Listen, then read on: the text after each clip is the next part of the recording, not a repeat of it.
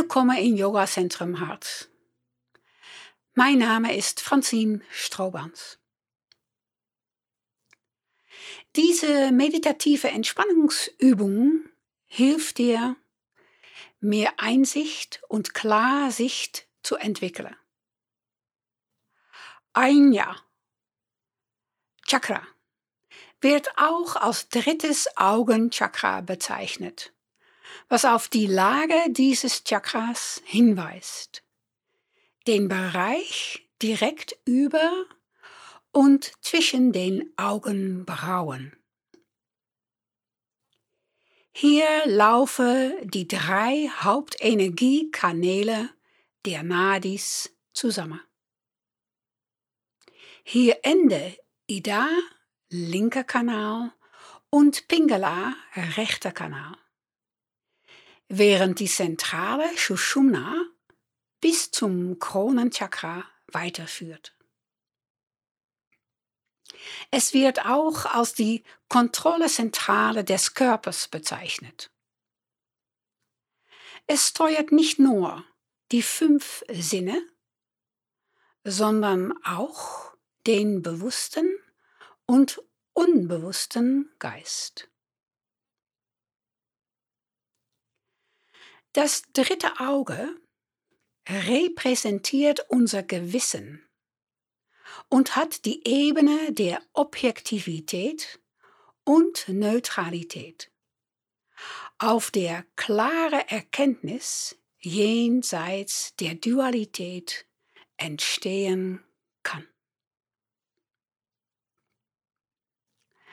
Von allen Chakren hat die Energie hier den stärksten Einfluss auf deine Persönlichkeit.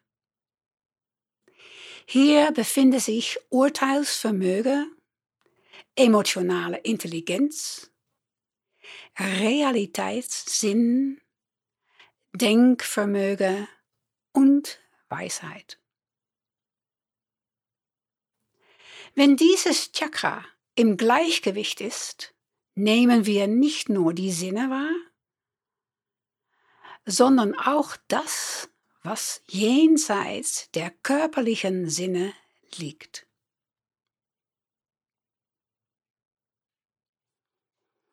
Hier liegt die Fähigkeit, die ungeteilte Aufmerksamkeit auf etwas zu richten. Kontrolle über die Gedanken zu haben und reine Einsicht zu entwickeln.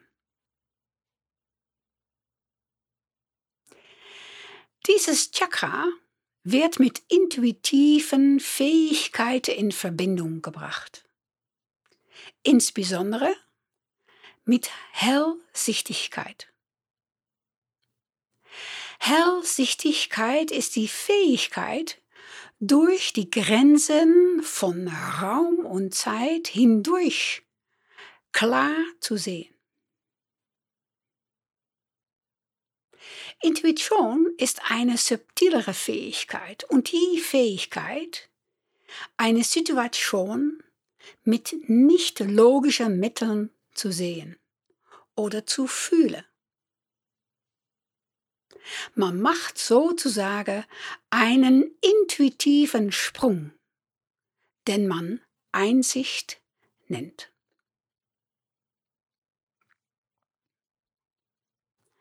Fangen wir an.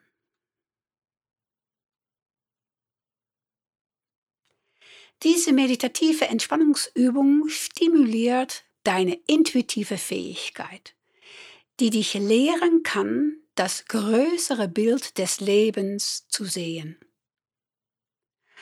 Grundsätzlich machen wir diese Übung im Sitzen. Du kannst auf deiner Yogamatte sitzen, wenn dir das leicht fällt, im Lotus- oder Halblotus-Sitz oder im Schneidersitz.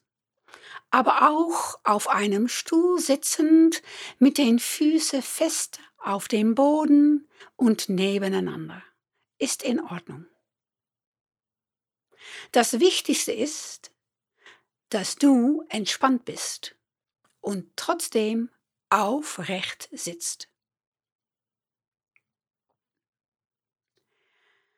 Sorge dafür, dass du nicht von deinen Mitbewohnern oder dem Telefon gestört werden kannst. Und stelle sicher, dass Blase und Darm leer sind Nimm dir die Zeit, aufrecht und dennoch entspannt zu sitzen.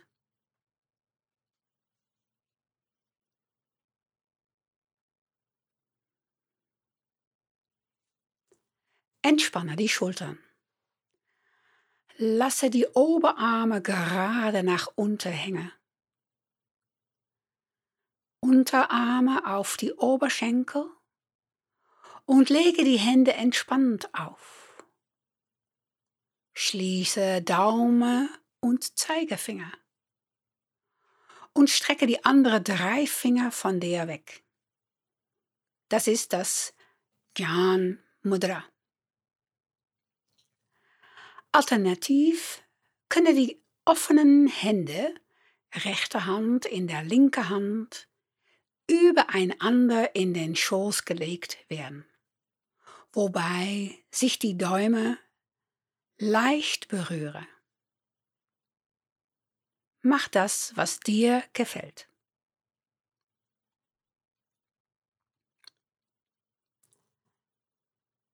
Strecke den Hals, und achte auf eine lange Haltung der Wirbelsäule. Entspanne Schultern, Kehle, Unterkiefer,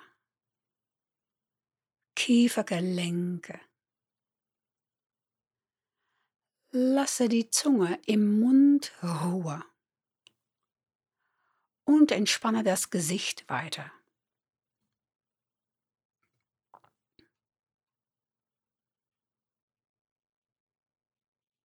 Lenke deine Aufmerksamkeit auf den Atem. Spüre, wie die Luft durch die Nase ein- und ausströmt. Und entspanne dich.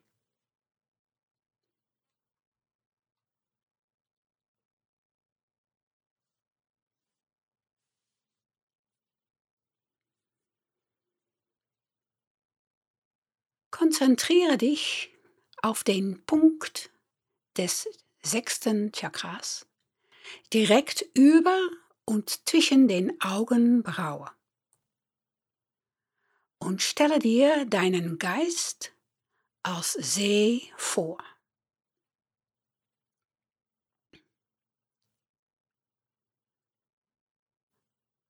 Versuche den See in seiner ganzen Pracht zu beobachten.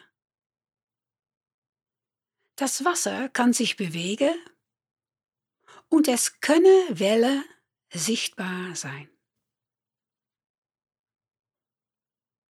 Beobachte weiter und langsam werde die Bewegungen des Wassers ruhiger.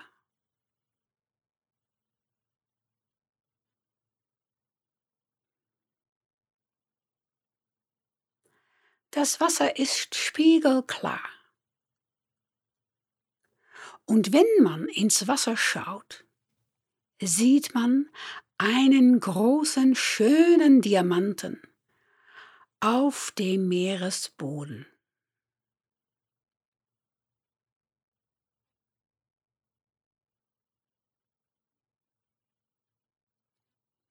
Wenn irgendwelche Idee oder Gedanke in deinem Geist auftauchen, Bringe deine Aufmerksamkeit zurück zum Sehen des Diamanten, der Licht durch das Wasser ausstrahlt.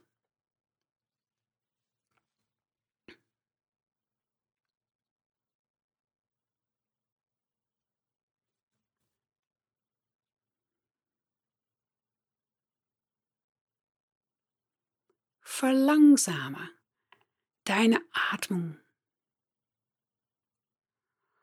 und erlaube dem Atem noch ruhiger zu werden und damit auch dem Geist. Der Diamant wird in deiner Wahrnehmung immer klarer.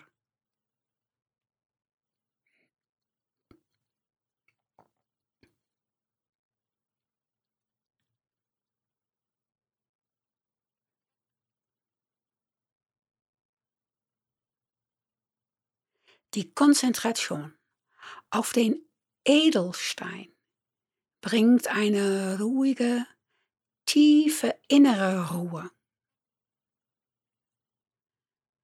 Lasse das Bild des Diamanten verblassen und konzentriere dich nun auf die Stille, die dich umgibt.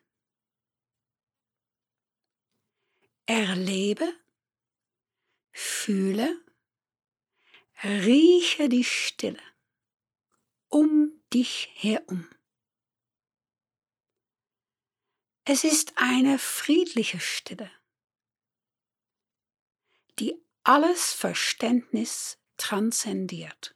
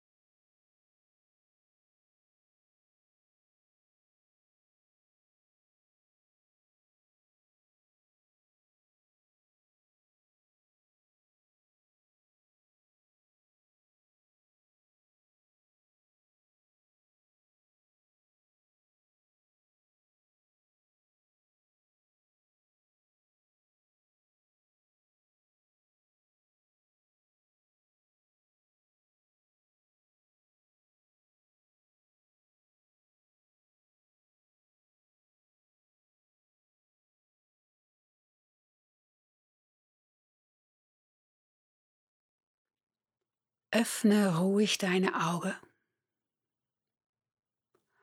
und genieße die innere Ruhe und die Erkenntnis, dass diese Ruhe immer da sein kann. Nimm die Stille mit in deinen Alltag.